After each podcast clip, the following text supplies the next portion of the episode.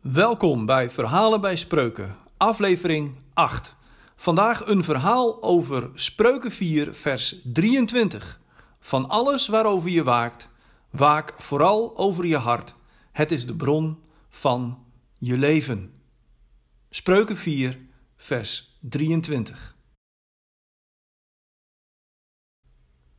Hij schrok wakker. Niet weer, hè?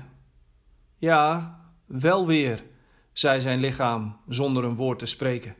Het was weer zover. Zijn hart sloeg over. Hij pakte zijn horloge en zag dat het nog maar vier uur in de ochtend was. Het was nog lang geen dag en nog lang geen tijd voor nieuwe medicatie. Zuchtend deed hij het licht aan. Hij kwam overeind, keek om zich heen en legde de kussens tegen de achterwand van het bed. Daarna ging hij rechtop tegen de kussens aanzitten.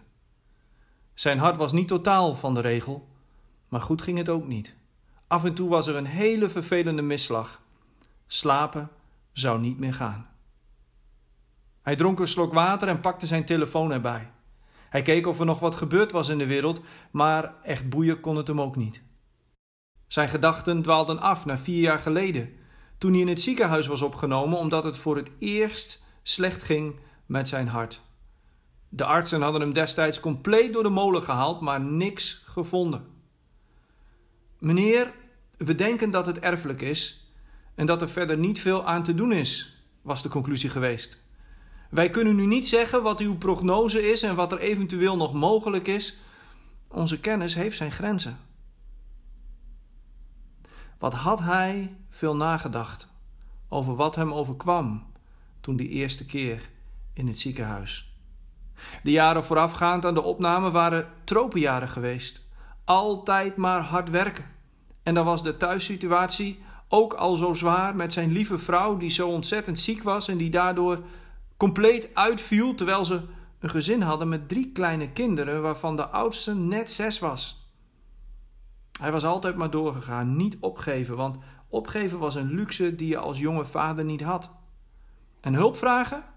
Dat deed hij niet. Dat zat niet in zijn DNA. Hij had daar een natuurlijke afkeer van. Hij regelde de dingen liever zelf. En nu lag hij in het ziekenhuis. Dokter, had hij op een gegeven moment toen gevraagd, als mijn leven anders was geweest, minder zwaar, als ik het anders had aangepakt, andere keuzes had gemaakt, was het dan misschien anders gelopen?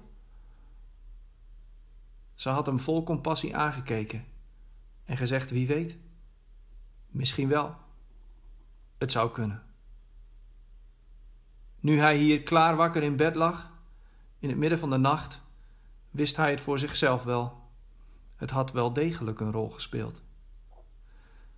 Hij zuchtte nogmaals en keek opnieuw hoe laat het was. Het had ook geen zin om hierover na te denken.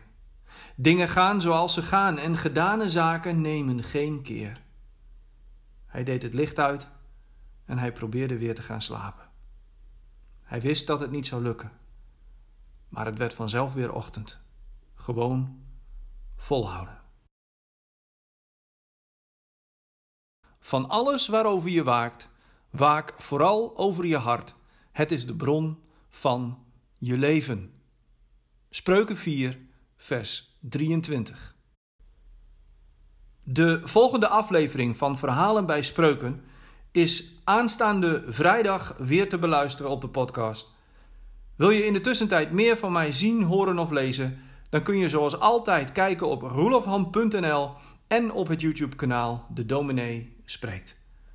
Misschien treffen we elkaar daar en anders tot vrijdag maar weer. God bless.